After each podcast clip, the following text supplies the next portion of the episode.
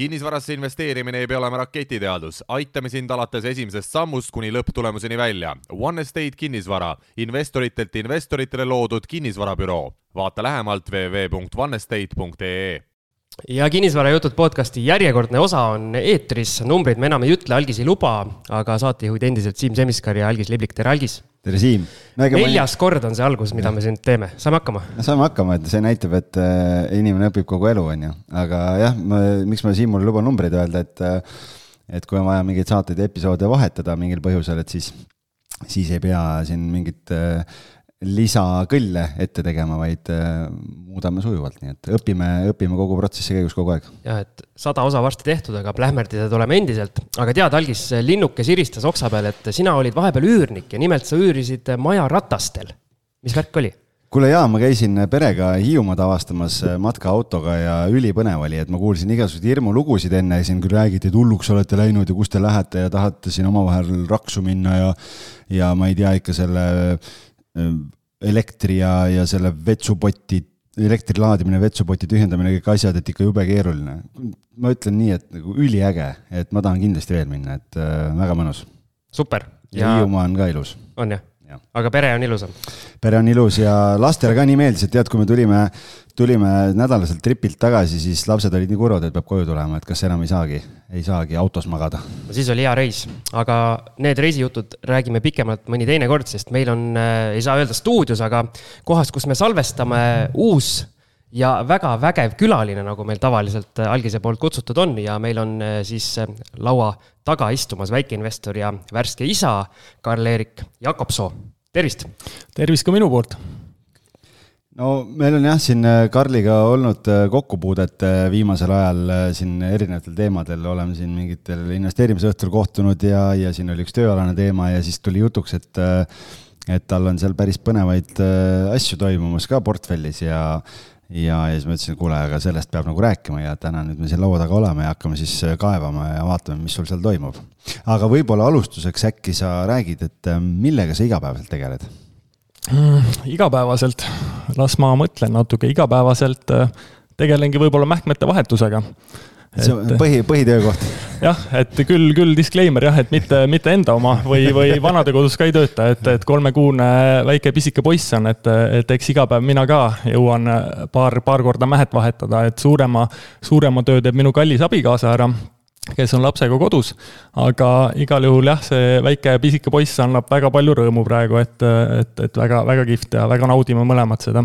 ja kuidas see mähkmete asi siis välja tuleb, et juba vilumus oled juba selgeks saanud? kuule jaa, nüüd, nüüd tuleb järjest paremini, et alguses oli neid kakaõnnetusi oli nagu palju rohkem ja, ja lekkis eh, siit ja sealt ja, ja pidime nagu eh, podisid ka kolm korda päevas eh, vahetama, noh, kolm korda järjest, eks, et et nüüd, nüüd enam ei leki, et ma ei tea, kas tal on juba jalad paksemaks läinud või, või. me siin teeme, nimetame ümber Kinnisvara jutud nüüd beebijuttudeks ja räägime ja. nüüd laste juttu. järgmised sada osa siis aga ei, väga äge, äge, et äh, see on tore aeg mm. -hmm, on aga tööalaselt võib-olla, et äh, ma ka siin mainisin, et me oleme sinuga siin äh, tööalaselt siin kokku puutunud, et äh, võib-olla sa räägid ka, et äh, mis, kuidas sa kinnisvara valdkonnaga igapäevaselt seotud oled?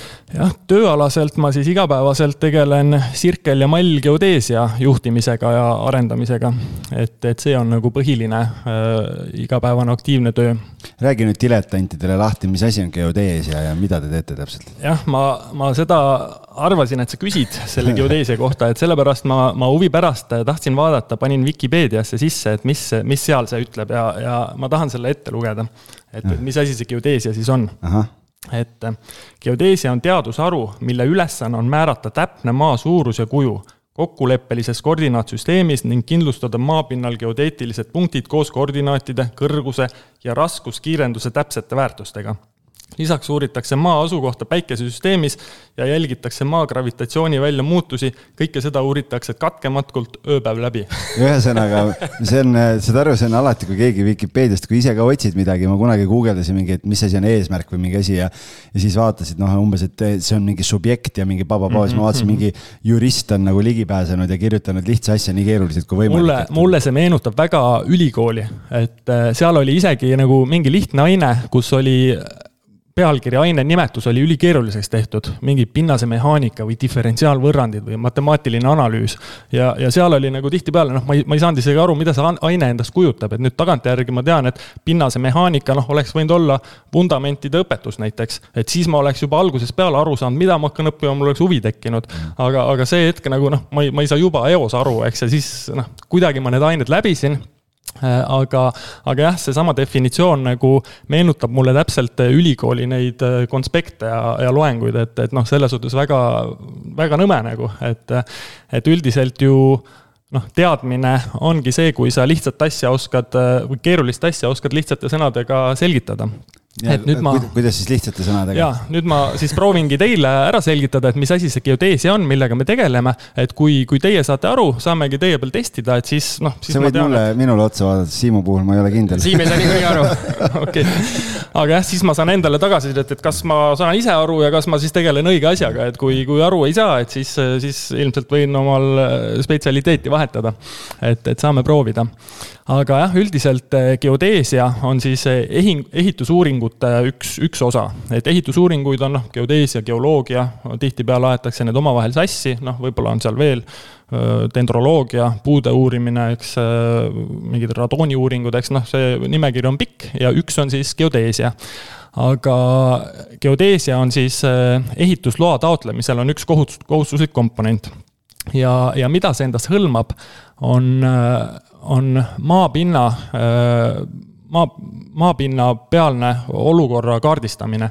ehk siis äh, äh, ehk siis kogu reljeef, kõrgused, hoone nurgad, mis seal on, puud, põõsad, kõik, mida me maa peal näeme, kõik tuleb üles mõõdistada ja digitaliseerida, et see arvutis oleks. ja lisaks maapealsele olukorrale kaardistatakse ära ka maa-alused trassid ja kommunikatsioonid, vesi, kanal, elekter ja miks see on oluline, et projekteerijal oleks infot ja lähteandmeid, et ta oskaks seda hoonet kuskile projekteerida, ta teaks kõrguseid, ta teaks, kus päike liigub, kus on kõrval olevad majad, milline puu tuleb maha võtta. et äh, selline, selline asi on, on siis üks, üks meie põhiline tegevus. et kas, kas oli, oli natuke Siim Koidab ei no mul jäi see Vikipeedia variant meeldis rohkem, seal oli ikka päikesesüsteem ja kakskümmend neli seitse. no ikka ja... suur nagu, nagu noh, ikka universumi. no mul tulid kohe vaimusilma ette raketid kuidagi lendad ja. raskuskiirendus ja, ja kõik. ja sina kujutasid raudselt ette, kuidas siin äh, Starship Technologies mingid asjad lendavad kuskil galaktikas, äh, mingid värgid, et äh, ühesõnaga geodeesia, aga jah. aga lisaks, lisaks noh, need on siis geodeetilised alusplaanid, mis, mis ma praegu kirjeldasin, aga lisaks sellele me tegeleme ka laserskanneerimisega. et see on nüüd natuke sihuke põnevam, innovaatilisem teema, et mida ma tahaks ka teile, teile tutvustada, et siis noh, ilmselt asjast mitte puutuvad isikud no,. inimesi ka skaneerite või? on võimalik, inimesed jäävad ka peale jah, et kõik füüsilised objektid, kõike on võimalik skaneerida aga, aga mida see, kui nüüd seda natuke selgitada, siis äh, sellega me mõõdistame siis enamasti hooneid, sest et me oleme kinnisvarasektoris ja seal me tegutseme, enamasti on meie töö, töödeks hoonete skaneerimine ehk mõõdistamine. aga kui nüüd mõõdistamisest rääkida, siis noh, mõõdistada on võimalik ju noh, kõige lihtsam viis on, et sa võtad mõõdulindiga ühe mõõdu. et nüüd natukene edasijõudnum on juba see, et sul on öö, äh, rahvakeeli öeldud disto ehk siis sihuke laserkaugusmõõtur. Siim, sul on disto või? ei. kuidas sul ei ole? Mul on mõõdulint vana, vana kool ikka, no vana nagu kool. siin eh, Excelid ja asjad ja värgid sinna üürihaldustarkvara tasemel, et Siim on mõõdu, nagu mõõdulint on vähe odavam, eks, et juba disto juba viiks võib-olla seal tootluse numbrid lõhki, eks aga, aga siis oleks ainu, ainuke korter, mis positiivse rahavooga on, läheks ka punaseks. aga üldiselt selle distoga mõõdistades, noh, sa võtad ühe selle mõõdu, näitab punast täppi seina peale, saad ühe mõõdu neli meetrit seina pikkuseks. miks selle nimi disto on? Ma isegi ei tea, aga, aga nii seda rahvakeeli kutsutakse, noh, see on umbes nagu kellu on, ma ei tea, ehituses ja vaata mm. kõik, kõik need siuksed, et.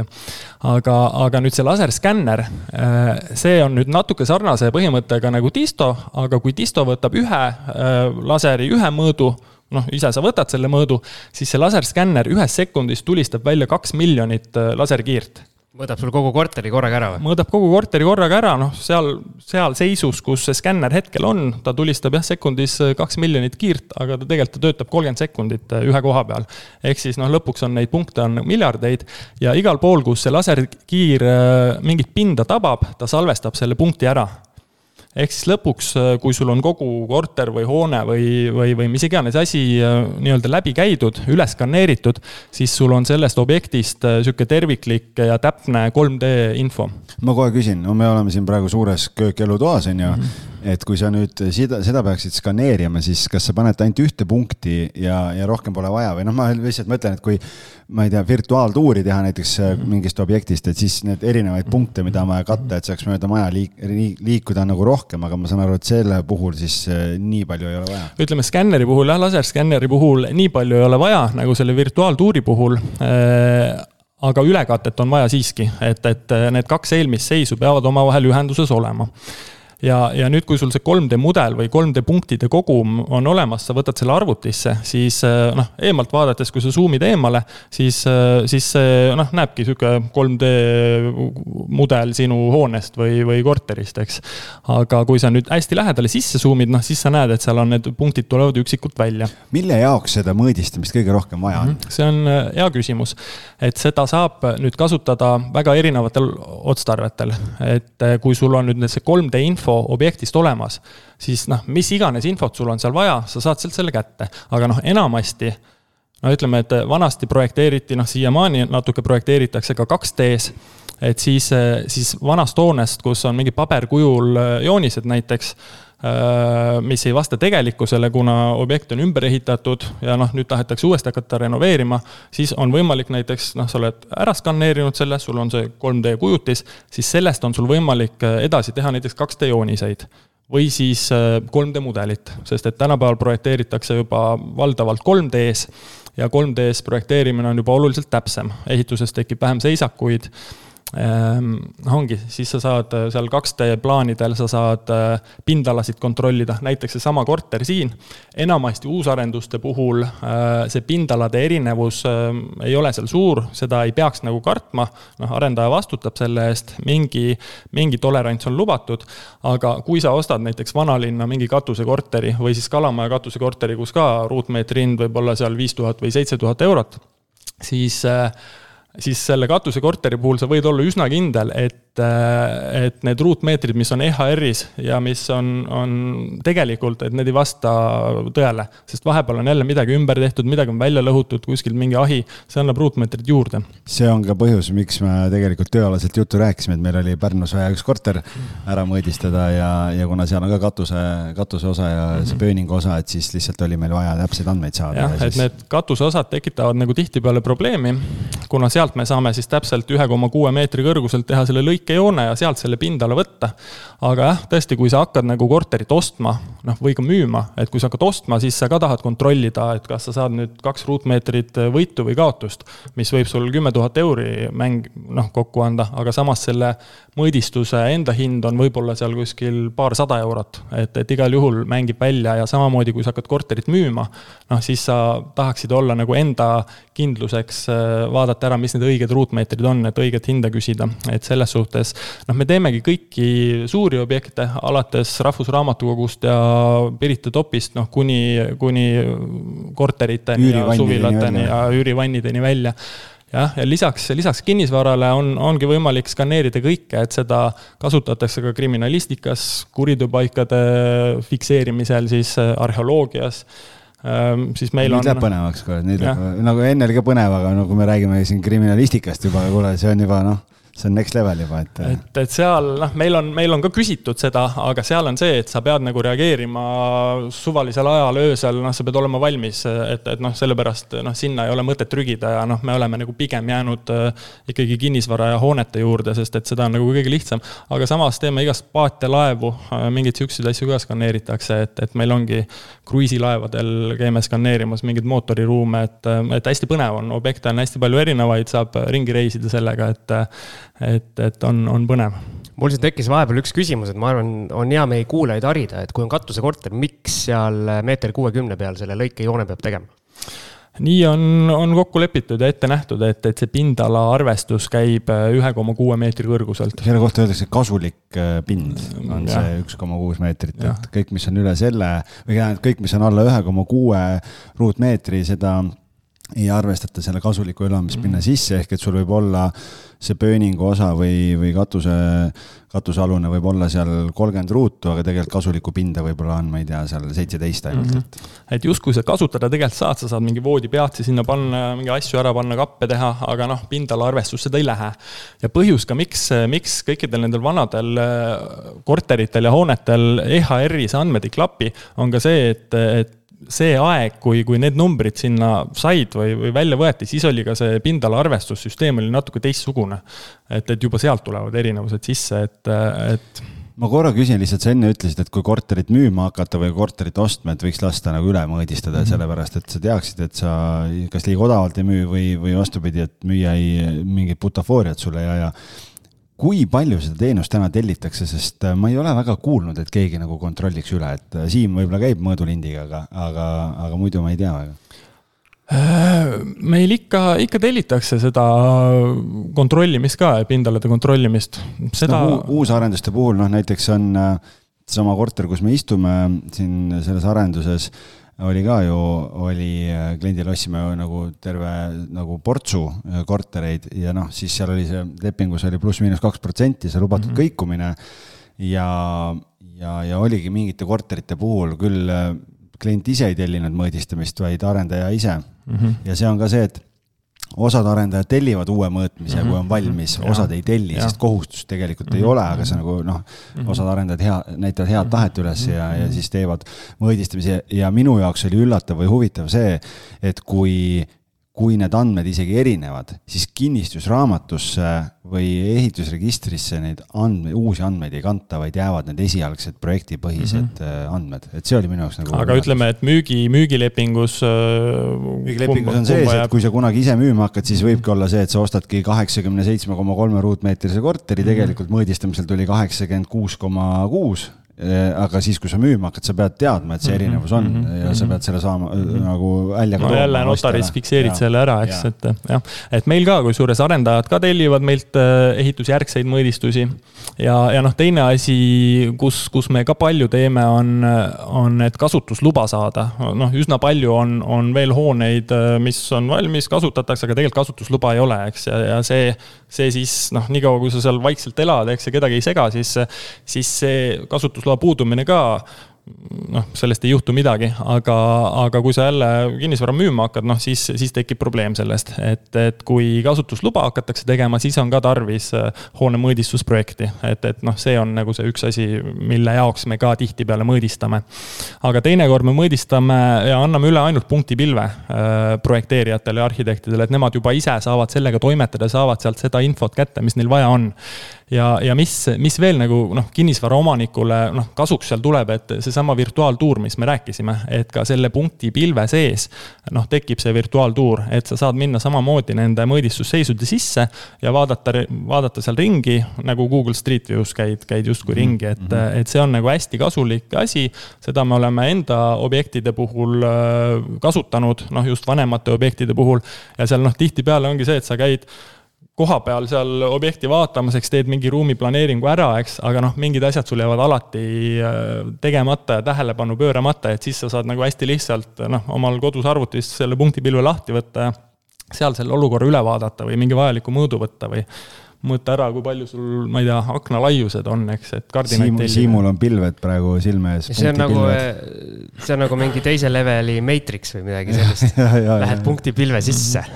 No nii on jah, saadki seal ringi lennata, eks, oma, oma objektil, et, et selles suhtes kinnisvara omanikul, noh, tasub oma kinnisvara ära kaardistada, noh, kõige-kõige tähtsam ongi see punktipilv, sest et see on sul need alusandmed sellest objektist. see, mis sa edasi sealt teed, noh, edasi teed vajaduspõhiselt teinekord noh, meilt tellitaksegi terve mingi büroohoone mõõdistus, aga algselt on vaja näiteks ainult teise korruse plaani, et uus üürnik tuleb sinna näiteks ja siis tahavad nendele. ja hiljem tellivad siis seal muud joonised ka, eks, ja kui kunagi hakkavad fassaadi renoveerima, siis tellivad meilt fassaadi joonised näiteks, et et kõike, mis vaja on, saab hiljem sealt juba välja võtta. aga lähme nüüd ajas äh, päris palju tagasi, et minul on kirjas siin, et sa oled Ameerikas käinud raamatuid müümas on see, on see tõsi? On, on tõsi. jälle algis said sellise tüübi meil. meil on käinud neid raamatu, ma arvan, et no üle kümne inimese küll on käinud meil siin äh, stuudiost läbi, kes on Ameerikas raamatut käinud müümas. ja need ei ole need, need Bolti kullerid, kes sulle süüa on toonud? jah, ja nagu enamus nendest on väga-väga edukad, nii et räägi, kuidas sina sinna sattusid ja, ja kui noh, kui nii saab öelda, et kaua vastu pidasid? jah eh jah, on, on küll, ma olen ka niimoodi, ma hakkasingi teie, teie podcast'i ka kuulama, et noh, kõigepealt nägin, et oo oh,, et üks, üks tuttav on, on siin, eks, ja siis vaatasin, et oi, et seal mitmed teised tuttavad olid ka olnud, eks siis ma kuulasin kõik järgi ja siis juba jõudsin mingite suurte kaladeni ja kes, suurte poisteni, kes mängivad suurtes liivakastides, eks, et. et, et, et igast huvitavaid, noh, eks mul on veel minna, ega ma, ma arvan, võib-olla mingi kümme podcast'i olen kuulanud läbi, võib-olla natuke rohkem, et. siis on järeleaitamistunde vaja. ja, et selles suhtes on, on tore, et iga kord, kui kodus muru niidan, siis on kõrvaklapid on kõrvas ja, ja siis saab kuulata, aga, aga kuidas ma raamatumüügini sattusin ehm, noh, nagu ikka, selleks tuleb ülikooli minna. aga kuna mul oli juba enne äh, paar, paar endast vanemat tuttavat, kes, kes olid käinud äh, raamatuid müümas ja, ja üks neist oli ka, õppis ehitusteaduskonnas TTÜ-s, mis, mis minagi õppima läksin. ja siis ma nägin, et äh, nad tulid veel suve lõpus või sihuke septembri lõpus teinekord tagasi, et ja ma nägin, kui, kui hullult nad seal TTÜ-s struggle isid äh, ja vaeva nägid. et, et sellepärast noh, mind kutsuti juba esimesel ülikooli aastal. aga siis ma otsustasin, et, et kuna, kuna ma ei olnud nagu kõige-kõige targem poiss klassis ja koolis, et noh, ma üle keskmise olin, eks, aga noh, ma teadsin, et mul on vaja TTÜ-s tööd teha, et, et ma seal hakkama saaks ja siis ma otsustasin jah, kohe alguses mitte minna et teised kursavennad olid seal sajapunktise matjaeksami ja füüsikaeksamiga, eks noh, mul, mul nagu nii hästi ei läinud, et et ma arvan, et see otsus oli minu jaoks väga õige. Aga siis, siis käisin, tegin paar aastat kooli, käisin sõjaväes ära ja siis vahepeal oli veel paljud tuttavad ja klassikaaslased läinud raamatuid müüma ja siis ma sain aru, et, et okei okay,, et see on ikkagi väga-väga hea kogemus et, et, et tuleb minna, et, et kui ma nüüd ei lähe, et siis ma ilmselt ei lähe kunagi, et, et sellepärast ma võtsin vastu selle otsuse, et okei okay,, et ma, ma lähen. ja et noh, isegi kui ma seal raha ei teeni, et siis saab vähemalt inglise keele sujuvalt suhu, et äh, vähemalt C pluss, eks. aga noh, ma teadsin, et, et tublimad teenivad seal päris hästi, et, et kui ma tööd teen, et siis, äh, siis, siis võib teenida ja nii ta läks, et, et teenisin, jah, tegin tööd, nägin vaeva, sain noh, kõik need auhinnareisid sain võidetud ja, ja noh, selle ma omal sihiks ka alguses seadsin. et, et kui ma selle ära võidan, et siis ma olen nagu edukas olnud. räägi sellest auhinnareisist või, või sellest, meil ei ole. meil ei ole nii detailides. nii, nii, nii detailides. seal, seal selles Southwesterni see korporatsioon, eks ta on üle saja viiekümne aasta vana juba. ja, ja seal on nagu hästi-hästi põhjalik ja, ja päris hea sihuke motivatsioonisüsteem välja töötatud. ja üks neist siis on see, et kui kõik esimese aasta tudengid müüvad ära teatud leveli, noh, mis on, ongi sihuke, sihuke suht hea tulemus, noh, mida ei ole väga-väga lihtne müüa.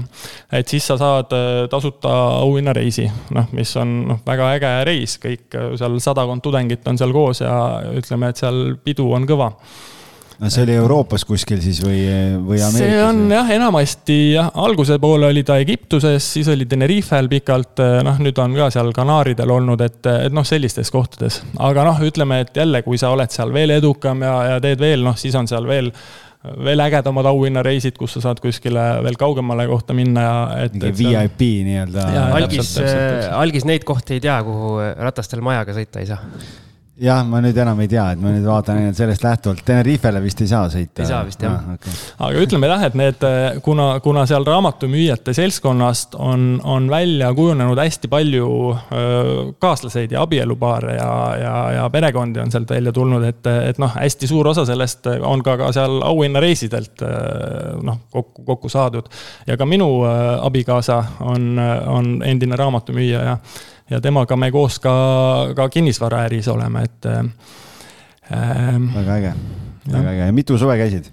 kokku käisin neli suve müümas ja iga aasta tegin järjest paremini, et et selles suhtes ma arvan, et võin rahule jääda ja noh, kõige enam selle üle, et äh, ongi, teenisin seal algkapitali, sain oma abikaasa sealt ja palju häid sõpru, et, et selles suhtes äh, ei ole nuriseda. muud pole vajagi ju just. jah, et, et selles raha, suhtes. naine ja sõbrad.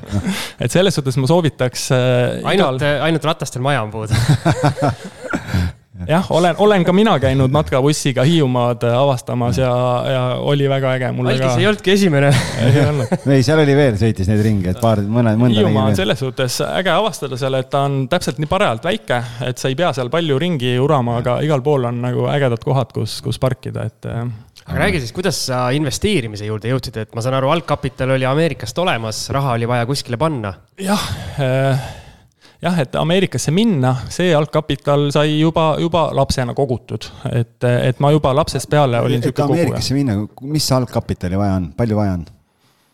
Ähm, noh, tegelikult on noh, lennupiletid, siis on mingi viisatasu, äh, mingi tuhat eurot umbes midagi sihukest ja noh, ütleme, et siis peaks olema mingisugune elamisraha ka vähemalt tuhat eurot, et ütleme, et ma arvan, et sihuke kolm tuhat eurot äh, oli see, mis, mis vähemalt peaks olemas olema, miinimum. See oli see, mis sa investeerisid iseendasse justkui, et sinna minna. Ja,? jah, jah, täpselt, et, et ütleme, et jah, et kuidas ma siis investeerimisse, investeerimiseni jõudsin, et noh, juba, juba lapsest peale ma olin sihuke rahakoguja ja võib-olla noh, kõige esimesena noh, ma arvan, et gümnaasiumi ajal noh, lugesin ka legendaarse, eks, Rikas isa, vaese isa raamatu läbi. ja noh, seal ka need põhimõtted tundusid nagu nii õiged, et, et noh, nii tuleb teha, see tundus kõik loogiline, et noh, muidugi, eks ma ei teadnud veel, kuidas ma pihta hakkan, eks, aga tundus loogiline aga ma arvan, et eh, kui ma jah, ütleme, et keskkooli lõpetasin, eks ülikooli läksin alguses, noh, ega seal ju siis, siis ma veel investeerimisest ei teadnud, et ma arvan, et see tuligi ikkagi raamatumüügi ajast. sest seal oli seda investeerimist, seal noh, täpselt see oligi, et kapitali oli võimalik seal teenida ja seal nagu kujunesid ka välja siuksed investeerimisringkonnad, et noh, need, kes olid investeerimisest huvitatud, need nagu leidsid seal omale noh, nii-öelda sõpru ja ja, ja seal nagu koolitustel ka räägiti sellest, et noh, ongi Jaak Roosaare ju samamoodi on endine raamatumüügi vilistlane, et, et tema seal noh, viis läbi ka investeerimiskoolitusi, et sealt see tuli. et kes tahtis, see investeerimisinfot sai sealt et, et ma arvan, et sealt, sealt see esimene pisik tuli sisse. ja millest sa siis alustasid ehm,? mis oli siis? esimene varaklass. Mm -hmm. no kõigepealt jah, ütleme, et seal noh, mingeid, mingeid väiksemaid asju oli ka, eks noh, ka juba siis mingid laenud ja ütleme, et mingeid aktsiaid sai ostetud, aga noh, see oli täpselt noh, niimoodi natukene. aga noh, siis üsna, üsna varsti noh, me saime siis tolleaegse elukaaslasega, praeguse abikaasaga saime aru, et, et see kodulaenukaart tuleb nagu kindlasti ära kasutada ja siis me noh, kogusimegi selleks, eks noh, oma, oma kapital oli selle jaoks olemas ja, ja siis noh mõtlesime, et kuidas ostame, vaatasime kõiksugu variante, uusi, vanu, kahetoaliseid, kolmetoaliseid, kas ostame koos mingi suurema korteri äh, tubade kaupa väljaüürimiseks, et äh, vaatasime kõiki, olime avatud kõikidele pakkumistele.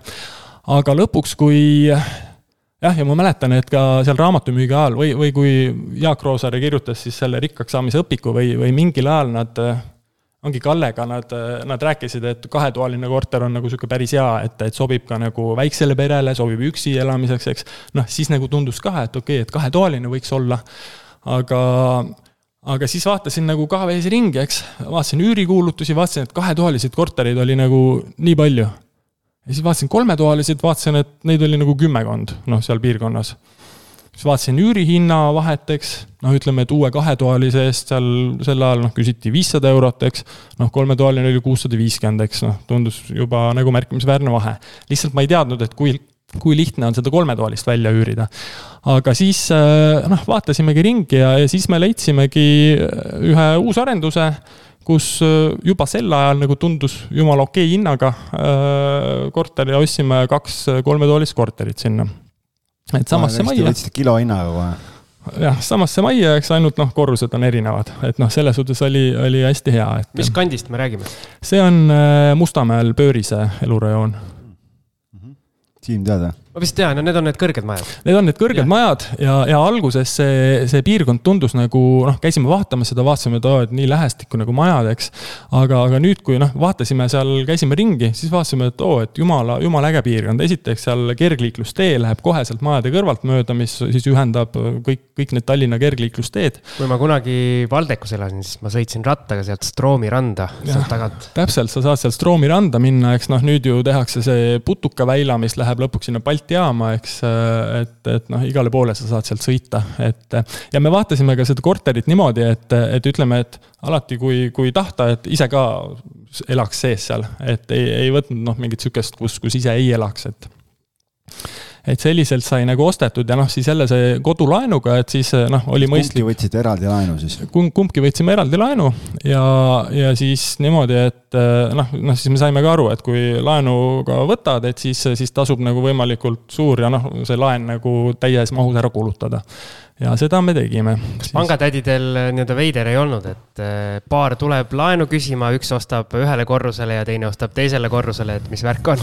aga see hetk äh, ongi, me ei olnud ju noh, me olime lihtsalt elukaaslased, et, et me läksime pangatädide juurde nagu täiesti noh, nii-öelda eraldi, eraldi ja vabadena, et, et me ei öelnud, et me noh, et, et meil üldse kaaslane on, et. et meil midagi susiseb, hea on käia üles seal. et, et ütleme, et kui, kui hiljem hea mugav ja, et ja, noh, ei pea kaugel pruudi juures käima et et, et hiljem, kui, kui me hakkasime nagu äh, uut, uut laenu võtma, noh, siis me mõtlesime seal küll äh, legende välja, et miks on nüüd uut kodu vaja osta ja kus sa vahepeal elasid ja, ja kõike niimoodi, et, äh, et. Need legendid on alati need kõige huvitavamad mm, mulle eile just üks kuulaja kirjutas, ütles, et kuule, et ma leidsin ühe vana postituse sealt Facebooki grupist umbes, kus ma küsisin mingi aasta tagasi umbes, et noh, et kui keegi on ostnud kodulaenuga korteri endale ja soovib selle siis välja üürida, et noh, et, et mis pangad nagu ütlevad selle peale, et siis, siis ta nagu uuris selle kohta.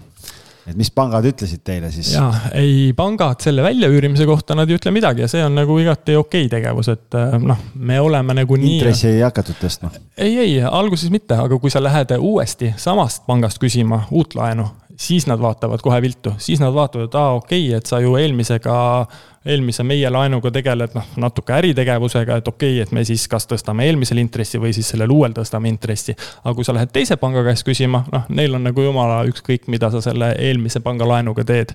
et neil, nende huvi on anda sinule nagu uut laenu ja, ja noh, see noh, ja kui me need korterid olime ostnud, noh siis, siis me teadsime, et me saame näidata ka seda üüritulu noh, lisa, lisatuluna, noh siis me noh, muidu noh, praegu meil kõik äh, üürid laekuvad ettevõttesse aga, aga see hetk siis mingi aeg me kandsime nad ilusti eraisikule endale, eks, ja, ja et, et näidata lihtsalt suuremaid sissetulekuid et, et pangale siis äh, atraktiivsemaks teha. ja noh, teine asi on see, et jah, noh, ütleme, et noh, igast muud, muud need kohustused nagu tuleks võimalikult äh, väikseks viia, et näiteks noh, tihtipeale, mis viga tehakse, ongi liisitakse kallis auto, eks, ja siis see auto liising juba takistab sul seda laenu saamist, et et vähemalt see periood, kui sa tahad äh, seda kodulaenu võtta, noh, kasuta vähemalt see periood siis, äh, võta odavam auto või osta või, välja või või müü ära lihtsalt korraks. või müü ära nagu korraks, eks pärast võid uuesti osta, eks, aga aga, aga noh, ütleme, et mingitel perioodidel tuleb nagu mingeid äh, nii-öelda sacrifice'e teha, et aga sa ütlesid, et äh, ostsite kõigepealt kaks mm -hmm. ja mhm. siis te mingi hetk läksite uuele ringile, et mm, -hmm. et äh, siis ostsite ühe või, või jälle kaks? siis me ostsime jälle kaks et äh, kahekaupa jah? ja kahekaupa, et noh, siis me ka alguses me mõtlesime, et noh, et, et ilmselt me ei saa nagu kahte osta.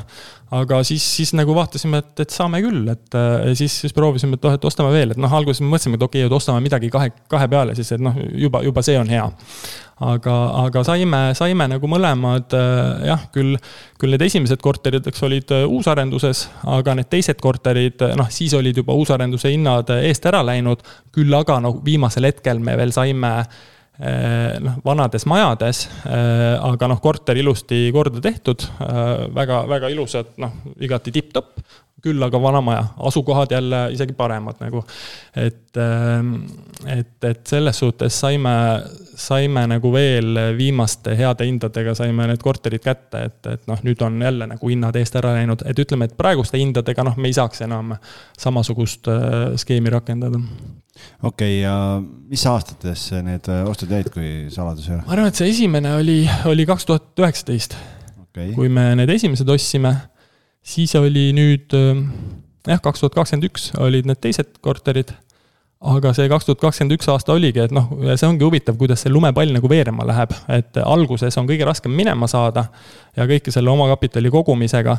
aga siis kaks tuhat kakskümmend üks, eks eelmine aasta, noh, siis tuli neid objekte tuli veel juurde, eks, et, et see oligi nagu päris sihuke huvitav aasta, et kõigepealt ostsime need korterid ära, siis, siis ostsime Raplasse ühe, ühe väikse kortermaja siis sõpradega kamba peale ja kas siis. see on see kuulus Rapla lasteaed, millest meil on siin. mis on läbi, mis on läbi käinud ja siis, siis õnnestus veel teha tehing Riisiperes ühe, ühe kortermajaga, kus, kus siis saab, saab ka sinna kortereid teha üsna palju, et.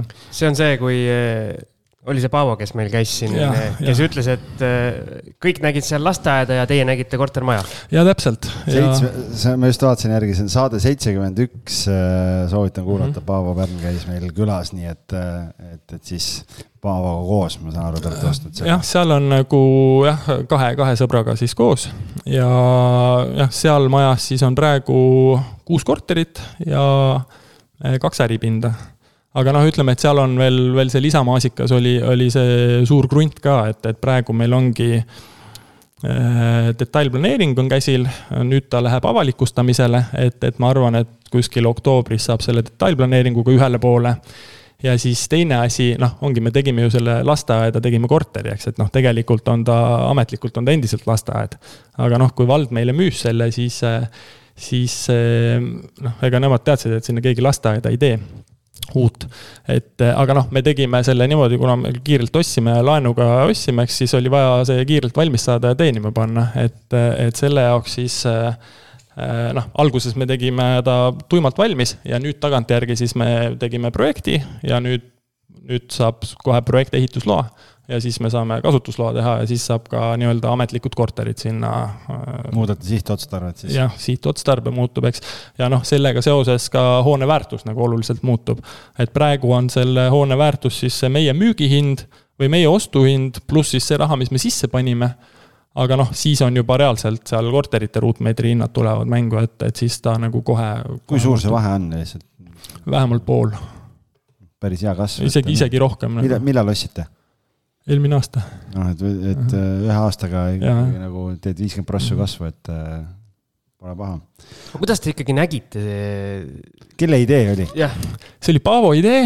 Äh, jah, nagu ikka, Paavo, Paavo leiab siukseid äh, huvitavaid objekte, tema tuulab nagu seal, et. okei okay,, ma küsin siis niimoodi. Paavo tuli selle nii-öelda objektiga teid nii-öelda ära rääkima, et mm -hmm kuidas see nii-öelda pitch või see jutt käis, et kuule, et see on üks ülihea objekt, sealt saab nii-öelda kõva asja, mina oleks vaadanud, kurat, sa ostad lasteaia ju eks, eks Paavo on nagu ka hea müügimees võib-olla, eks, et suudab oma ideid hästi, hästi edasi müüa. aga noh, seal oligi, see tundus nagu sihuke no-brainer, et, et sa vaatad, et Rapla kesklinn, äh, suur krunt Äh, no, lasteaed lasteaed, eks noh, me käisime ju, käisime. iga kinnisvara investori unistus on omada lasteaeda. käisime seal ju kohapeal vaatamas, eks, ja, ja siis äh, noh, nägimegi, et siia on võimalik teha üsna lihtsa vaevaga ja siis tundus, et anname tuld, eks. noh, kõige suurem risk jah, oligi see, et, et alguses me ei plaaninud ju seal kõike nagu õiges järjekorras ametlikult teha, et alguses projekt ja ehitusluba ja ehitus ja kasutusluba, et, et me tahtsime kiiresti teha, aga jällegi väiksele kohale omaselt siis vald oli sellega kursis ja, ja neil oli okei okay,, nad ütlesid, et noh, vähemalt, et tehke, tehke tagantjärgi. mis selle detaili tulemus nüüd, mis, mis sinna tuleb? Selle tulemusel siis tuleb, krunt lõigatakse pooleks ja sinna tagumisele krundile siis tuleb kaks kortermaja. kui palju ühikuid? Äh, ma isegi ei tea, seal üle, ma ei tea, kolmkümmend ühikut, midagi niimoodi. see läheb üüriks, teed endale või müügiks või? vot, seal on praegu täitsa, täitsa lahtine, et, et ähm, kas, kas müügiks äh, arendusprojektina või siis teeme midagi ise või siis äh, kaasame kedagi ja teeme ise, et, et ütleme, et seal need võimalused on lahtised. ja siis äh, see Riisipere maja, see on ka mingi selline nii-öelda selline projekt, kus alguses keegi, need kõik teised nägid midagi muud ja teie nägite midagi head. riisipere on, on ka huvitav jah, et, ähm, et nii nagu kinnisvara puhul äh, on ju põhiline, et, et oluline on ju asukoht, asukoht, asukoht, eks. aga noh, siis kui küsida, eks noh, mis, mis asukoht see riisipere või, või Vaida, eks on, eks. Vaida on väga kõva. Siim, Siimul silmad põlevad kohe. ja täpselt, eks, aga, aga ongi, aga oluline on ju see asukoht seal, seal kohas, et asukoht Riisiperes, et meil on ka see, see maja maja on äh, sada viiskümmend meetrit raudteejaamast. ja, ja seal on täiesti, täiesti nišš olemas, keda, kellele me saame seda, seda maja pakkuda et, et ongi eelkõige suuremad pered, kes, kes tahavad palju ruutmeetreid, aga nad ei saa seda Tallinnas lubada endale sest sa ei saa üürida, noh, võib-olla nii, nii hästi ei teeni, et sa saad Tallinnas seal sada pluss ruudus korterit. et sinna me teemegi korterid selliselt, et äh, et, et kahte korterit oleks võimalik äh, kokku panna, seal ongi olemasolev uks vahel ja, ja saab täiesti kokku käima panna, ehk siis ongi võimalik üürida kaks korterit korraga. sa saad seal, ongi võib-olla ühe korteri üür on kolmsada, eks, kuuesaja euro eest saad seal üle saja ruudu pinda.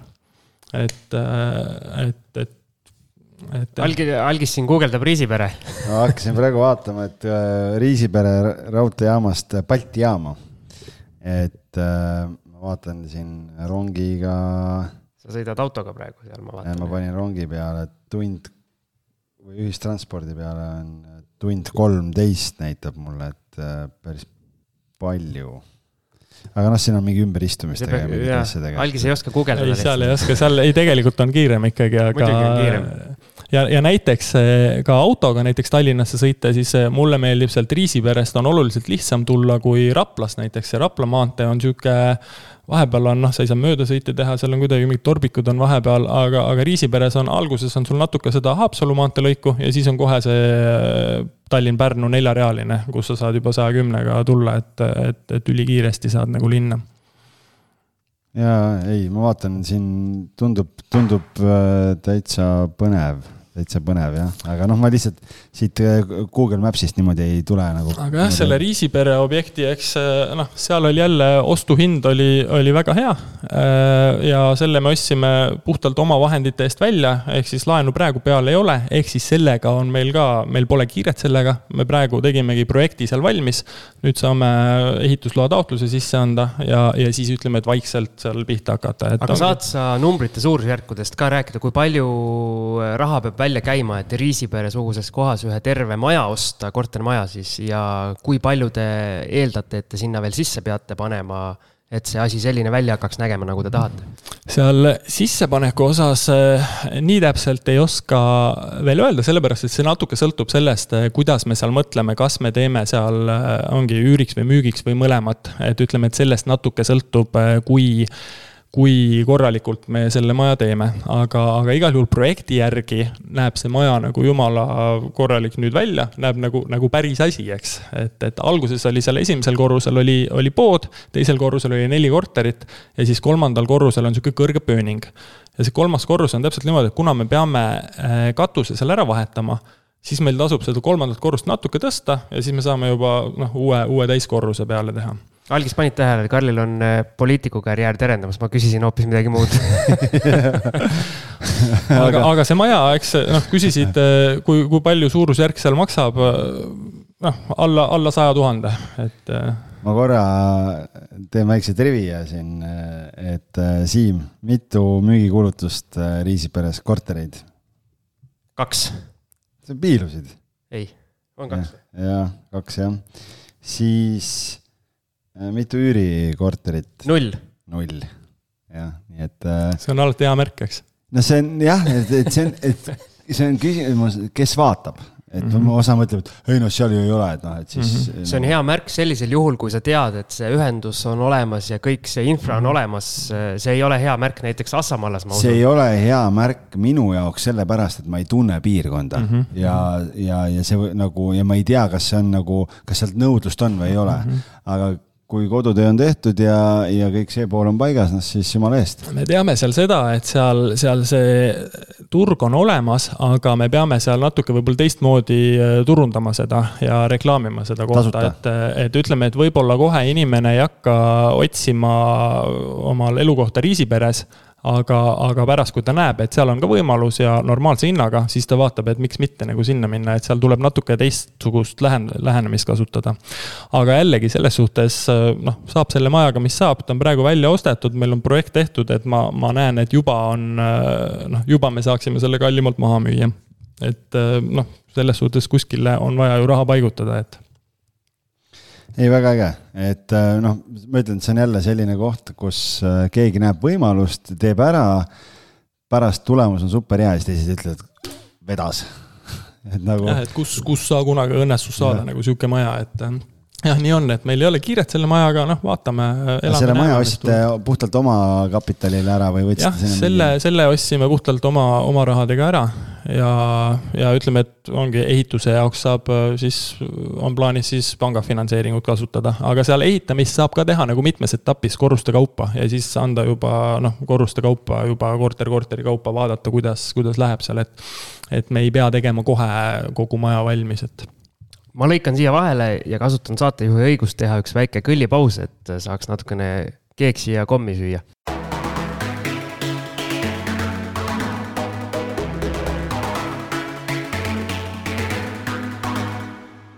nii, oleme tagasi, kõik asjad on ära söödud, algisel, algis seekord oli tagasihoidlik no,. hoiad vormi?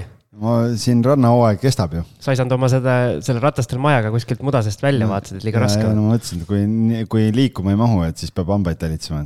õige, aga meie siin jätkame ja mina tahtsin Karli käest küsida, et kui sa siin oma korterite ja oma nende suurte majade ja lasteaedade ja millega kõigega siin tegeled, nii-öelda, no ei saa öelda, et üle Eesti, aga ikkagi üle Põhja-Eesti või et mis su lemmikpiirkonnad on, on sul nagu välja kujunenud mingid eh, kõige magusamad, magusamad kohad, kus sa silma peal hoiad? jah, ütleme, et eh, lemmikpiirkond on küll ja, ja lemmikpiirkond on see, mis on kodule viieteist minuti kaugusel. et need on nagu täpselt need, eh, need neli korterit, mis Tallinnas on. Et mida lähedamal, seda parem noh, kui ma tipptunnil kuskil olen, mina üldiselt ma tipptunnil noh, väldin sõitmist, eks, et siis eh, noh, kui sa käid mingi korterit näitamas või midagi, sa saad ise valida, vaata, mis ajal sa lähed, et siis ma panen nagu mõistlikud ajad. et siis on jah, nagu viieteist minuti sees. muu ei ole nagu väga oluline, et, et üldiselt noh, kõik need Tallinna piirkonnad on nagu üsna okeid ja, ja kui sul nagu liiga palju neid korterid ei ole, siis sa ikka sinna ühte korterisse ikka selle üürniku leiad et äh, ja üldiselt noh, ma näen, et see nõudlus on olnud nagu väga suur ja ajas kasvav aga, aga jah, see Rapla ja Riisipere, ütleme, et äh, noh, see, see nagu on nagu lihtsalt juhtunud niimoodi, aga, aga küll noh, mul on ka Pärnusse üsna tihti asja, et, et ka Rapla jääb, noh, siis ma saan mööda Rapla maanteed minna äh, Pärnusse et saab sealt alati läbi hüpata ja, ja Riisiperes samamoodi on, on lihtne käia, jah, teine koht, kus suvekodu on, on perel, on, on seal Haapsalu pool. et, et teinekord, kui seda külastan, siis saan sealt läbi käia. Aga äh,, aga üldiselt äh, üldiselt jah, mida lähedamal kodule, seda parem, et, et sul endal seda häslit on vähem. näiteks sinna Ida, Ida-Eestisse, noh, sinna ma ei satu üldse ja, ja noh, seda ma, ma väldiks. nii et Sillamäe jääb sinu poolt avastamata äh,, näiteks? jah, kui siis niimoodi, et, et ma panustaks ainult rahaga sinna, et, et ise nagu väga, väga käia seal ei tahaks mitte, et mul Sillamäe vastu midagi oleks, aga, aga lihtsalt ma ei satu sinna ja see oleks, ühe korra võiks minna ja oleks tore, eks, aga, aga, aga ei viitsiks käia. kuule, ma tulen ühe asja juurde tagasi, mis me saate esimeses pooles rääkisime ja kuidagi libisesime sealt üle, et sa ütlesid, et te ostsite kodulaenuga neli -hmm. korterit, on ju, et täna on need ettevõtte alla antud teil, et mm -hmm. mis see nüüd edasine plaan on siis, et nüüd, kui nelja korteri rahavoog sinna tiksub, et äh, olete mingi järgmise plaani ka paika pannud või mis plaanid on? jaa, absoluutselt, noh, see jah, see, see, see plaan on, et ettevõte ka ilusti laenukõlbulikuks teha ja noh, tegelikult ta praegu juba on, et, et saab ettevõttele ka, aga ütleme, et jah, siiamaani me oleme teinud ju ettevõtted noh, spetsiaalselt selle kinnisvara objekti jaoks ja, ja juba niimoodi, et saab sinna ka laenu peale võtta. aga, aga noh, ikkagi nüüd on võimalus meil noh, midagi juurde vaadata. et, et ikkagi plaanis on, on, on midagi juurde, juurde vaadata, aga küll jah, noh jah, ärilaenu puhul on nagunii omaosalus on suurem, eks, et, et ikkagi noh, liiga, liiga lõhki ei taha ka laenata, aga, aga aga ütleme, et mingil piiril on nagu, ma arvan, täiesti okei okay.. aga kas sa praegu nagu aktiivselt vaatad ka või praegune see turusituatsioon on selline, et pigem äh, istud kätel ja natukene ootad, et mis sellest asjast saab? jah, praegu ma pigem aktiivselt ei vaata, et äh, noh, ütleme, et jälle Paavolt tuleb mingeid huvitavaid ideid, et, et siis saab, saab olla kaasatud, et aga jah, praegu ma ei vaata, et, et minu noh, alati, kui ma mingit, mingit tehingut teen, ükskõik mis investeeringut, siis ma alati mõtlen läbi, et mis on see kõige hullem asi, hullem stsenaarium, mis saab juhtuda. ja siis, kui ma vaatan, et see kõige hullem stsenaarium nagu noh, ütleme, et ta mind ära ei tapa, eks, ja, ja, ja ma ise nagu koduta ei jää, eks siis, siis noh, siis ma ei näe põhjust karta seda tehingut, et no kõige hullem stsenaarium on see, et meteoriit tabab maad, et siis äh, ja. see tasuks välja jätta oma, oma kalkulatsioonidest. jah, selle tasub välja selle jätta. hirmuga elades muidugi võiks päris huvitav elada olla, et. et jah, seda, seda ei tasu karta, kui see juhtub, siis see on kõikide mure, et. jah, mitte ainult sinu ja sinu ja. selle kahe korteri, mis sa just ostsid. aga ma küsin, et kui nii-öelda peaks hakkama nüüd portfelli suurendama, kas see kolmetoaliste segment on ikkagi see, kuhu sa jääd või proovid kuskile suunas liikuda? Eh, ma arvan, et eh, jah, miks see, miks need kodulaenuga korterid on sellised noh, korralikud ja kolmetoalised, et kodulaen ja, ja panga finantseering noh, nõuab seda, et sul oleks korralik, korralik asi, õige asi, eks. aga, aga nüüd, kui ettevõttega midagi teha, noh siis, siis ma arvan, et seal pigem midagi huvitavat leida. siis, äh, siis hakkad vaatama neid tootlusnumbreid nagu, nagu pingsamalt. ja täpselt, et, äh, et ma, ma küll alati tootlust jälgin, aga, aga ütleme, et sellel ostuhetkel, noh, ka kui need kodulaenuga korterid olid, noh, siis ma nagu ei vaadanud, et aa, et kas ma saan, kas selle korteri tootlus on seitse protsenti või üheksa protsenti, et kui üheksa ei ole, et siis ma jätan ostmata. sellepärast, et noh, suva, mul on vaja see kodulaen ära kasutada, juba, juba on nagu võidus, et et. Ähm, okei okay,, aga küsime siis, mis su nii-öelda tootlusootus on, kui sa hakkad ettevõtte alt äh, midagi ostma, et on sul mingid numbrid välja mõeldud, et äh, omakapitali tootlust äh, jälgid või jälgid siis üldse? no jälgin, noh tihti noh, jah, jälgin ka nii-öelda või noh, mõtlen ka planeerimist, noh, noh, ma arvan, et see noh, ongi mingi viisteist protsenti võiks olla huvitava objekti juba, juba selle mitte omakapitali tootlus, vaid siis lihtsalt selle kinnisvaraobjekti tootlus.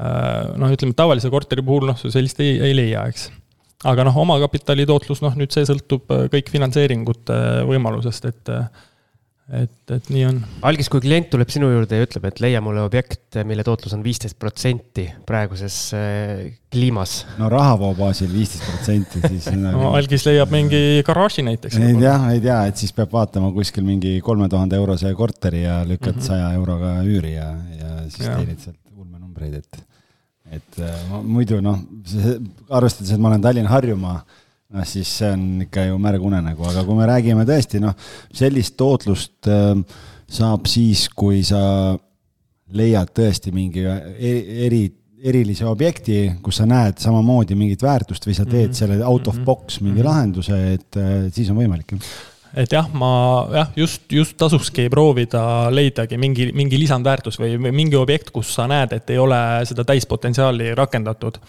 et, et sellepärast noh, noh, ütleme kõik, kes kinnisvara omavad või on selle noh, kunagi nõukogude ajal tasuta kätte saanud näiteks, et, et noh, enne kui müüma hakkad, noh, mina vaataks nagu ära, et kas mul see potentsiaal on seal täielikult rakendatud, kui ei ole, ma ei müüks et noh, muidu vaata noh, seda ju teised investorid jälle otsivadki seda, kus sa saad mingi pooliku potentsiaali, annad sinna lisandväärtust ja, ja siis on juba hästi, et. aga kui selle kodulaenu kodulaenuga korterid on praegu ostetud, on ju, ja need on praegu ettevõtte alla antud, siis inimestel tihtipeale tekib ka üks küsimus, et äh, tasuta kasutamise lepinguga tegite või mismoodi selle vormistate? jaa, täpselt, et sa saad ju oma eraisiku vara anda kasutada ju oma ettevõttele või kellele isa, iganes, et, et selles suhtes on nagu igati okei okay äh, jah, nii ongi, jah, ja palju on räägitud ka, ka siin podcast ides sellest noh, arvete tegemisest, eks, et mina näiteks ei tee arveid äh, üürnikele ja noh, ma olen teinud, aga, aga see on täpselt nagu see, et ma, ma ei taha olla selles rollis, et kus ma ise unustan arve saatmata või siis üürnik ütleb, et aa, ma ei ole arvet kätte saanud või arve läheb kuskile rämpsposti, eks. et, et noh, me oleme kokku leppinud, et üür laekub, noh, siis, siis ma olengi alati öelnud, et üür laekub sellel kuupäeval, kas ma arve saadan sulle või ei saada, eks, et vahet ei ole. aga ongi, kui noh, tegelikult ma ei pea arvet saatma, sellepärast et see müügilepi- või üürileping ongi juba selle noh, raamatupidamislikult see, see alusdokument dokument, et. Äh, aga raamatupidamise jaoks sa pead mingi arve lõpuks ikka ju tegema. sisendarve ikka pead tegema. kui ma käibemaksukohuslane ei ole, siis ei pea. ei pea või? ei pea ma, ma ei ole. seal ongi see üüri. mulle tundub kummaline, et ikkagi, et kui sa ettevõttena tegutsed, et sul peab olema. samas kui leping on äh, alusdokument, siis võib-olla ei pea, jah? jah, leping on äh, ettevõtte nimel, et noh, minu ettevõte haldabki minu, minu Et ja minu naise kinnisvara. Peeter Pärtel kindlasti kuulab meie saadet ja karjub praegu. Peeter kratsib kuges, kurat, käisin poistele rääkimas, ikka midagi ei tea. noh, samas jah, minu, minu raamatupidaja ütleb, et, et see on igati okei okay.. noh, samas jälle Peeter ütleb, et, et neid raamatupidajaid on igasuguseid ja see Peetri kontrollküsimus raamatupidajale, noh, ma arvan, et mu raamatupidaja seda ära ei vastaks, et. mis see oli, ma. ma ei mäleta. see oli mingi väga raske asi jah aga üks asi, mida me ei ole veel puudutanud ja ma tean, vähemalt sa nii-öelda muus jutus natuke mainisid, et sul on erinevaid kogemusi ka üürnikega, et mm -hmm. milline esiteks sinu jaoks on üks ideaalne üürnik ja kui palju need reaalsed pildid on siis erinenud sellest mm -hmm. ideaalist? see on jah, väga, väga hea küsimus. Äh, just selle ideaalse üürniku otsimise osas, sellepärast et alguses ma proovisin küll otsida ideaalset üürnikku ja, ja leida seda ja, ja lõpuks tundub olevat, et see ideaalne üürnik sinu jaoks, noh, kelle sa lõpuks välja valisid, on see, kellega sul nagu kõige parem klapp tekkis ja sihuke. aga, aga tegelikult noh, hiljem ma sain aru, et eh, sul ei ole vaja otsida ideaalset üürnikku äh, sul on vaja üürnikku, kes maksaks sul äh, üüri ära ja kes käituks sinu kinnisvaraga heaperemehelikult. et, et need on kaks asja, mida sa tahad ehk siis see, kui, kui hea klapi sa temaga said, pole üldse oluline. ja, ja noh, tihtipeale siis ma noh, vaatasingi neid, kõik olid nagu noh, päris head kandidaadid, eks, ja, ja noh, paljudel oli raske ära öelda, eks, aga siis ka noh vaatasime, et, et kes nagu potentsiaalselt võiks nagu kõige kauemaks jääda ja, ja, ja nii edasi, eks. aga noh, lõpuks sa sellega noh, paned, paned puusse, et, et seal kõikidel võib, võib tulla mingeid elumuutuseid, asju, et, et sa ei saa seda nagu kontrollida. aga seal kolmetoalistes, sul ei ole need korterid nüüd väga kaua olnud, aga kui pikalt keskmiselt äh, sul need inimesed seal sees on olnud ühes korteris? mul nagu kohati tundub, et on nagu üsna pikalt, aga samas, kui ma nagu, nagu mõtlen nagu tagantjärgi, siis ma olen nagu üsna palju äh, pidanud nagu kuidagi üürnikega tegelema, aga võib-olla sellest, et, et jah, mul noh, neid üüriobjekte ja noh, Raplas ma tegelen ka ise, et, et võib-olla siis see on selle tunde nagu jätnud noh, või siis noh, tegelikult ühes korteris alguses elas mul tuttav, siis oli veel üks tuttav, need läksid ka ära, ostsid oma koha, eks noh, siis ütle, ütleme, et ma nagu pidin nagu vahetama või noh, tegelema sellega. tuttav oli, siis oli tuttav, need said väga hästi tuttavaks, kolisid ostsid kaks korterit üksteise peale. okei okay., vabandust, vabandust segamise eest et äh,. aga sa, ma saan aru, et sa tegeled ise, et ja, sina maaklerteenust ei kasuta, et ma, ma olen siin nüüd vähemuses siin. algis ootab, ootab su kõnet. ma olen, ma olen ühe korra, ühe korra kasutanud, kui ma ise olin reisil ja kahenädalane reis, eks see üürnik vahetus, siis ma mõtlesin, et okei okay,, et äh, annan maaklerile. ja see on ainuke kord olnud, kui, äh, kui üürnik jäi, jäi võlgu korraks äh, mingi periood ja sealt mulle tundus see, et et maakleri kaudu äh, tulid, noh, ma nägin, kui, kui ma ise reisil olin, et hullult nagu ühendust ei võtnud, noh, mõned vaatajad käisid, eks, üks ei sobinud, äh, noh, siis teine oli, et noh, kaks niisugust noort poissi, eks. siis ma mõtlesin, et okei okay,, et suva, et äh, noh, ma olen ise eemal, et noh, anname ruttu välja, et siis, siis on vakantsusaeg on väiksem. ja, ja lõpuks äh, jah, lõpuks neil äh, jah, oligi noh, üks, üks tegeles mingi oma firmaga, eks teine, teine ehitusel, noh, see, kes firmaga tegeles, noh, kui tuli koroona, siis temal nagu kukkus ära, eks siis nad jäid nagu noh, üks maksis pool üürist ära, eks. Nad maksid eraldi nagu? jah, nad maksid nagu pool ja pool, eks ja, ja, ja aga siis mulle tunduski, et need noh, kaks need noort poissi, nemad nagu, kui, kui nad nagu otse omanikult äh, oleks läinud äh, proovima korterit leida, siis nad ei oleks kunagi olnud see, kes äh, noh, välja valituks saab, nad oleks alati jäänud seal kolmandaks või viiendaks või kümnendaks, eks. ja siis sellepärast mulle tunduski, et tihtipeale maakleri kaudu tulevad nagu need, kellel on nagu muidu raske leida. ja teinekord vaata see omanik suhtub nagu pealiskaudsemalt, lasebki maakleril vaata otsustada, maakler räägib võib-olla natuke positiivsemalt positiivsemat juttu sulle juurde, eks, et noh, siis ah, annagi välja, eks.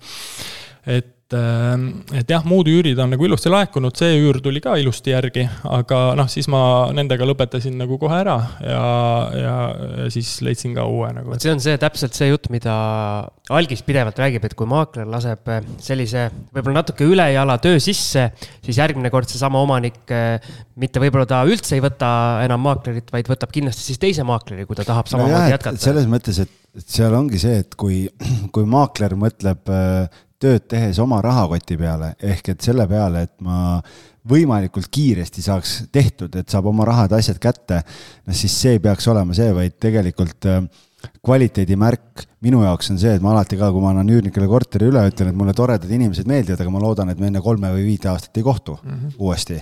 et, et me, et see on kvaliteedimärk, kui nad tulevad ja jäävad ja kõik on hästi et see peaks olema see, millest ma, nagu ma, ma otseselt nagu seda ei paneks selle maakleri kapsaaeda, sest ma tegelikult tean, et ta on hea maakler. aga, aga ma nägin, et noh, et maakleril, noh, tal ei tulnud nagu ülipalju päringuid, eks mm. -hmm. ja, ja siis tal ei olnud nagu seda valimit nii palju, kui, kui minul no, endal no, oleks. selle olnud. kohta ma ütlen alati seda, et kas sul peab kolmkümmend olema ei pea ju, et pigem olgu viis äh, maksejõulist, väga head, kelle vahel valida, et noh, seal ongi see mhm.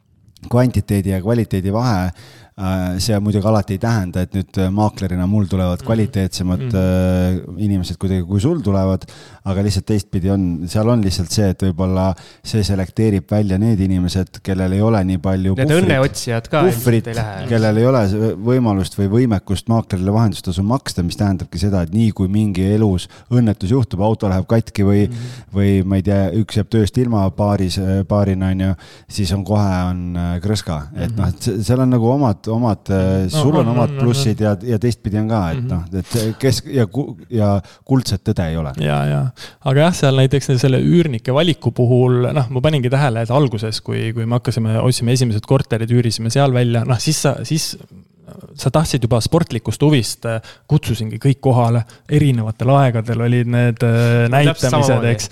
aga, aga noh, siis oligi see nii põnev nagu ja, aga, aga noh, noh tagantjärgi noh, nüüd, nüüd ma selle protsessi käigus ma olen õppinud, et noh, nüüd noh, siis ma vahepeal tegin niimoodi, et äh, kutsusin noh, kuus või kaheksa tükki, igale ühele arvestasin viisteist minutit, sest noh, tegelikult ongi viie minutiga sa näed korteri ära, viis minutit rääkimise peale ja siis sul on viis minutit puhveraega. ehk siis selle kahe tunniga sa saadki kaheksa inimest läbi käidud, eks. ja noh, sealt sa kindlasti leiad endale ühe.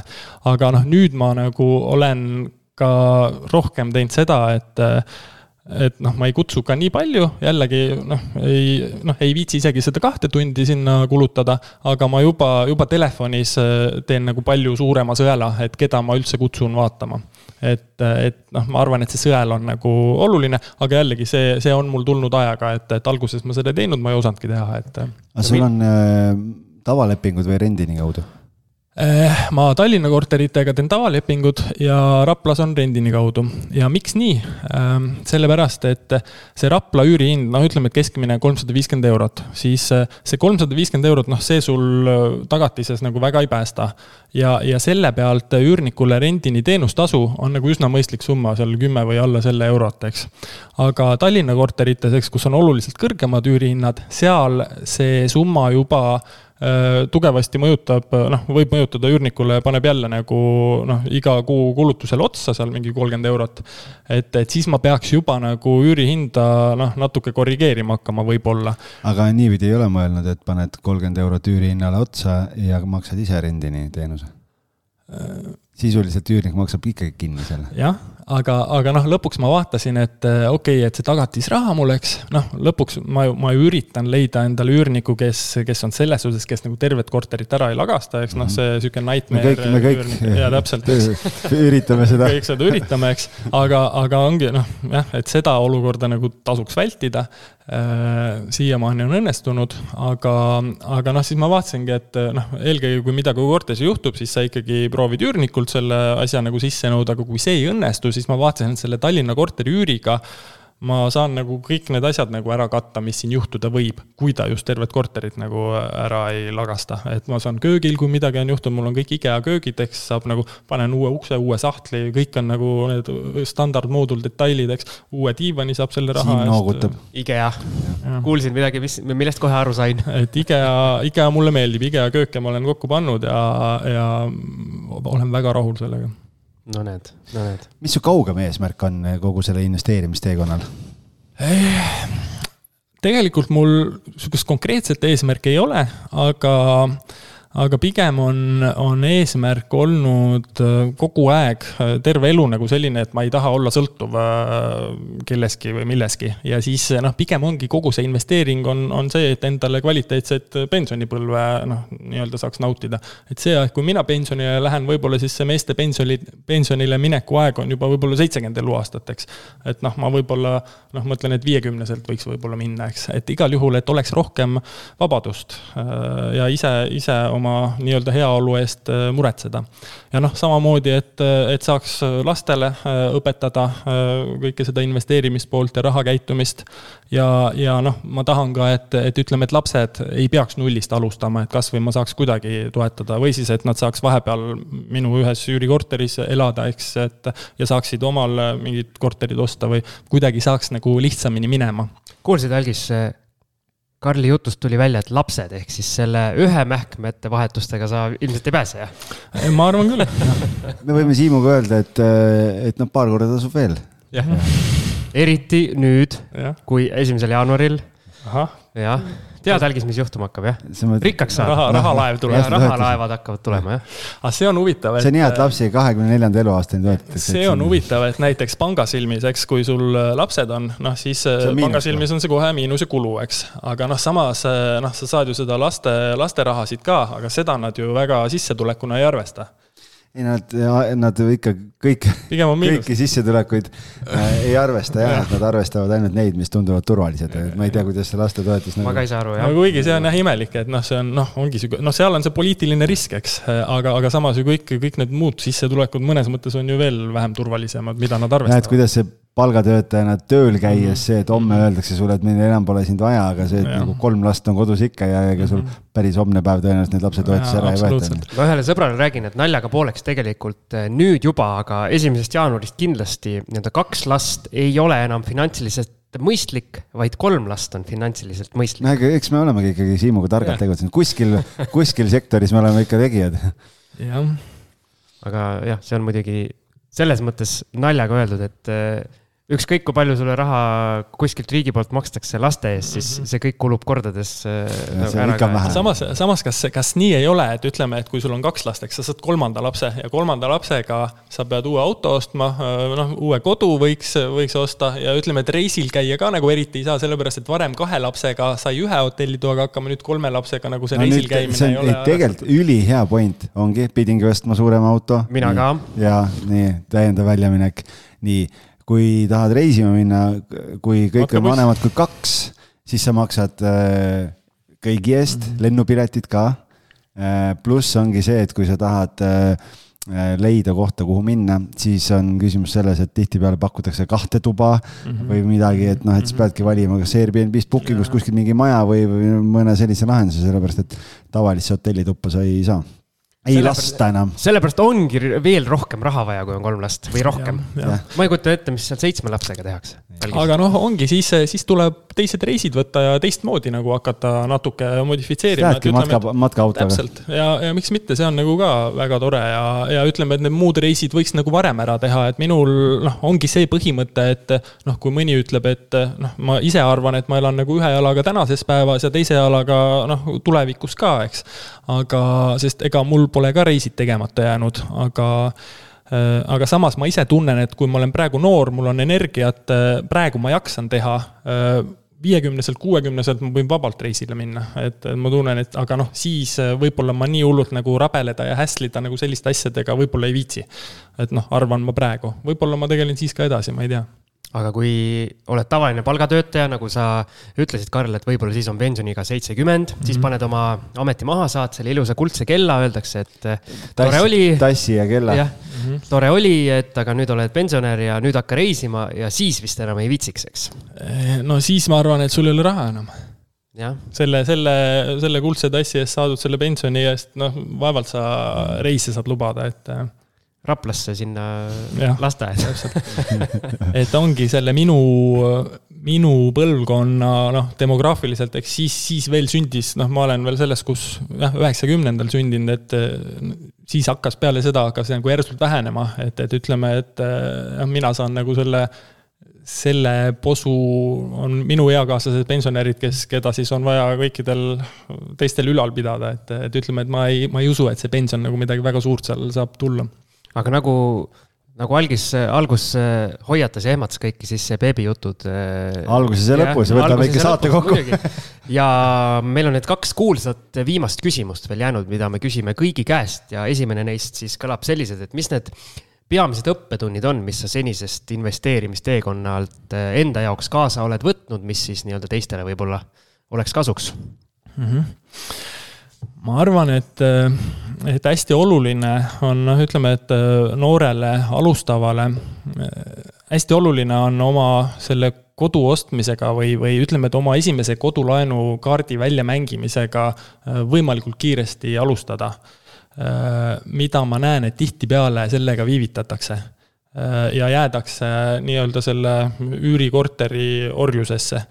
et, et see on nagu hästi oluline asi äh, miks võib-olla viivitatakse, noh, otsitakse, ongi ideaalset kodu, eks, aga tegelikult vahet ei ole, osta. ma arvan, see sissemaksu kogumine on tegelikult suurem probleem isegi sellepärast, et inimestel ei ole finantsiliselt seda harjumust, et elatakse palgapäevast palgapäevani. jah, noh, noh, see, see tulebki kõik see finantskäitumine, eks, aga noh, kui, kui sa ikkagi investeerimise peale tahad mõelda, noh siis, siis sul juba peab olema nagu okei okay, finantskäitumine, noh muidu sa ei, sa ei saakski alustada no,. siis tuleb minna Ameerikasse raamatuid müüma, siis tuleb nii palju raha peale, et ei jõua ära kulutada teisest otsast no,. siis täpselt... leiad naise ka veel. jah, et kui sul ikkagi see, see huvi on olemas, noh siis sa pead äh, noh, midagi välja mõtlema, kuidas sa selle sissemakserahagi äh, teenid, et, et kas laenad seal FFF grupilt, eks, äh, kokku ja, ja maksad nagu aastate jooksul tagasi, noh, ka okei okay lahendus, eks, et, et see, see korter jääb sulle nagu eeldatavasti pikaks ajaks, eks, noh, sa võid seda hoida pikal ajal. et jah, noh, mina, mina ise olen nagu pikalt äh, kinnisvaras või vähemalt, vähemalt need Tallinna korterid, eks neid, neid ma hoian pikalt äh, noh, muudega elame-näeme. aga noh, mul ongi, kui küsite, praegu ongi, hinnad on nagu nii palju tõusnud, et noh, saaks justkui nagu hea raha vahelt teenida, aga noh, siis on ju see küsimus, et mis, mis ma nüüd siis selle rahaga teen, et, et mul on vaja ju mingit sama head objekti või, või veel paremat, eks, et, et ei ole mõtet nagu tõmmelda. see on ülihea point, me siin algis, algis teab, et Heikiga alustasime oma seda Jüri projekti ja jube hea on teha nii-öelda teise investoriga koos mingit nõmedat eh, tapeedi seinast ära katkumise tööd, kui samal ajal saab tarka juttu rääkida ja siis me arutasime täpselt sedasama, et, et temal ka tuttavad, kes nii-öelda selles investeerimise kinnisvaramaailmas otseselt sees ei ole, aga midagi nagu kuulevad uudistes, et hinnad on hullult tõusnud ja mis mhm. iganes, et mingi krahh on kohe lähedal ütlevad, et oo loll oled, miks sa maha ei müü kõike, et mhm, hinnad on nii, mhm, nii laes. ja siis tekibki see küsimus, okei okay,, ma müün maha, siis mul on mingi X summa on kontol, mul ei ole sellega mitte midagi teha, sest kui ma nii-öelda samas faasis tagasi ostan siis ma ei võida sellega mitte midagi, ma maksan ainult tehingukulusid mm. -hmm. no tavaliselt sellise suhtumisega, kes seda soovitust annab, eks noh, tavaliselt noh, tema müükski maha ja saaks selle viiskümmend tonni või sada tonni endale kontole, eks, ja siis oleks nagu paar aastat on nagu pidu ja pillerkaar. siis on oht ja..., et see raha lihtsalt kulub kuskil ära. kindlasti kuluks, et, et, et noh, sellepärast noh, pigem tasub hoida oma, oma raha varades ja, ja tõepoolest need varad nagu pikas plaanis kasvavad et vahepeal võib tulla igasugu languseid, aga noh, kui noh, noh, kui ma vaatangi, et okei okay,, et kui Euribor siin äh, tõuseb, eks, noh, arvutasin ka, et kui tõuseb üks, üks protsent, noh siis mu laenumakset mõjutab see noh, mingi kuuskümmend eurot seal ühel, ühel korteril. noh, tegelikult üüriturg on vahepeal rohkem tõusnud, et ma saaksin sada eurot nagu kõikidel korteritel tõsta et äh, aga noh, jah, ongi selle kõige halvema stsenaariumi juures, ütleme, et üüriturg kukub ka nagu täiesti ära, hinnad lähevad poole rohkem alla näiteks noh, noh siis on see, et, et ma peaks võib-olla natukene peale, paarsada eurot peale maksma, noh, ma arvan, et ma leian selle raha, et et noh, tegelikult jah, kui ma kõiki neid riske vaatasin, siis ma näen, et noh, väga ei hävi, et.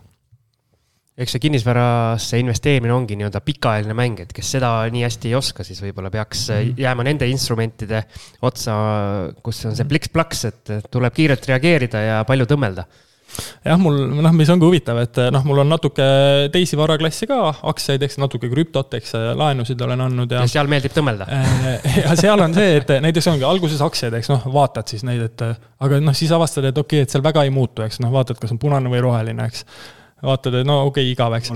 nüüd just tüdruk sai kümneseks, et kogu aeg vaatab, siis jälle punases kõik. siis mingi päev tuleb, kuule, nüüd on rohelises on ju, noh, et kogu aeg. ja siis, siis vaatasin, et okei okay,, et see on nagu igav, eks, siis panin natuke krüptosse, eks. noh, siis vaatasin, oo, et seal on nagu põnevam, eks. aga lõpuks harjud selle põnevusega ära, vaata siis ma ei viitsi enam seda ka vaadata, eks. et siis on nagu noh, mõttetu.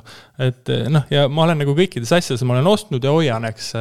et isegi kui mingi asi nagu kukub, no vahet ei ole, las ta siis kukub. Peeter Koppeli soovitus on ikka päeval ei no põnev neid punaseid ja rohelisi asju vaadata niikaua, kui liiga, liiga ribadeks ja liiga punasesse ei kuku, et siis, ole.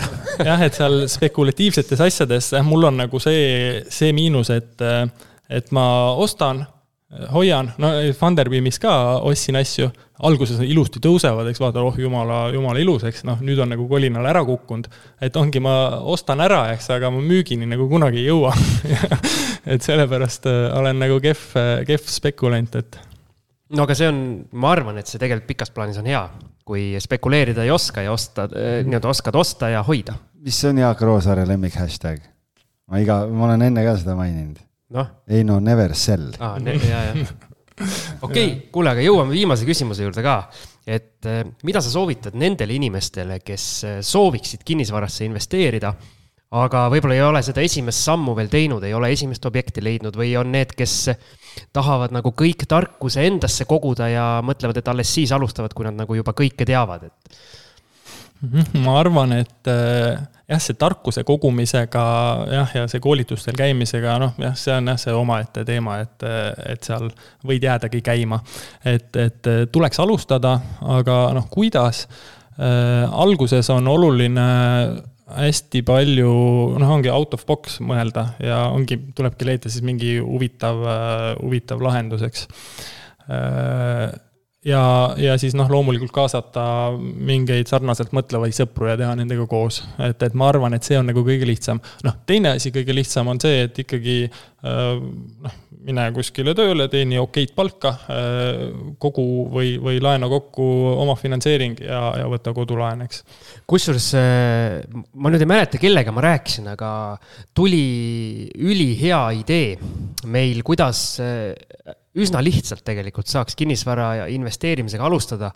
ja mis oleks natuke selline nii-öelda lollikindel ka, ma ei tea, kas meil siin saates nii konkreetselt seda on puudutatud, aga, aga teema on siis selline, et oletame, inimene, inimene elab äh, nii-öelda enda korteris või siis nii-öelda pangalaenuga ostetud korteris ja tahaks hakata kinnisvarasse investeerima, aga päris sihukest julgust ei ole siis minu või sealt jutust välja koorunud mõte on see, et vaheta ise elukohta ja jäta oma eelmine kodu üürile, sest meie külalistest ka, kaasa arvatud mina ise, on just niimoodi alustanud, et mm, -hmm. et see esimene, esimesed vitsad ja esimene mm -hmm. kogemus saadakse kätte selle oma nii-öelda eelmise koduga, mida sa tunned ju läbi ja lõhki ja saad seal need mm -hmm. nii-öelda beebiprobleemid ära lahendada ja. enda jaoks ja siis järgmised asjad tulevad juba lihtsamalt. täpselt, sellepärast seda ma ütlengi, et see esimene kodulaen tuleb ära osta, ostadki, vahet ei ole, et see ei ole su ideaalne kodu, eks sa ei peagi sinna eluks ajaks jääma, tõenäoliselt sa ei jäägi. mitte keegi ei jää. sa oled seal, sa oled seal mõni, mõni, mõni aasta, eks.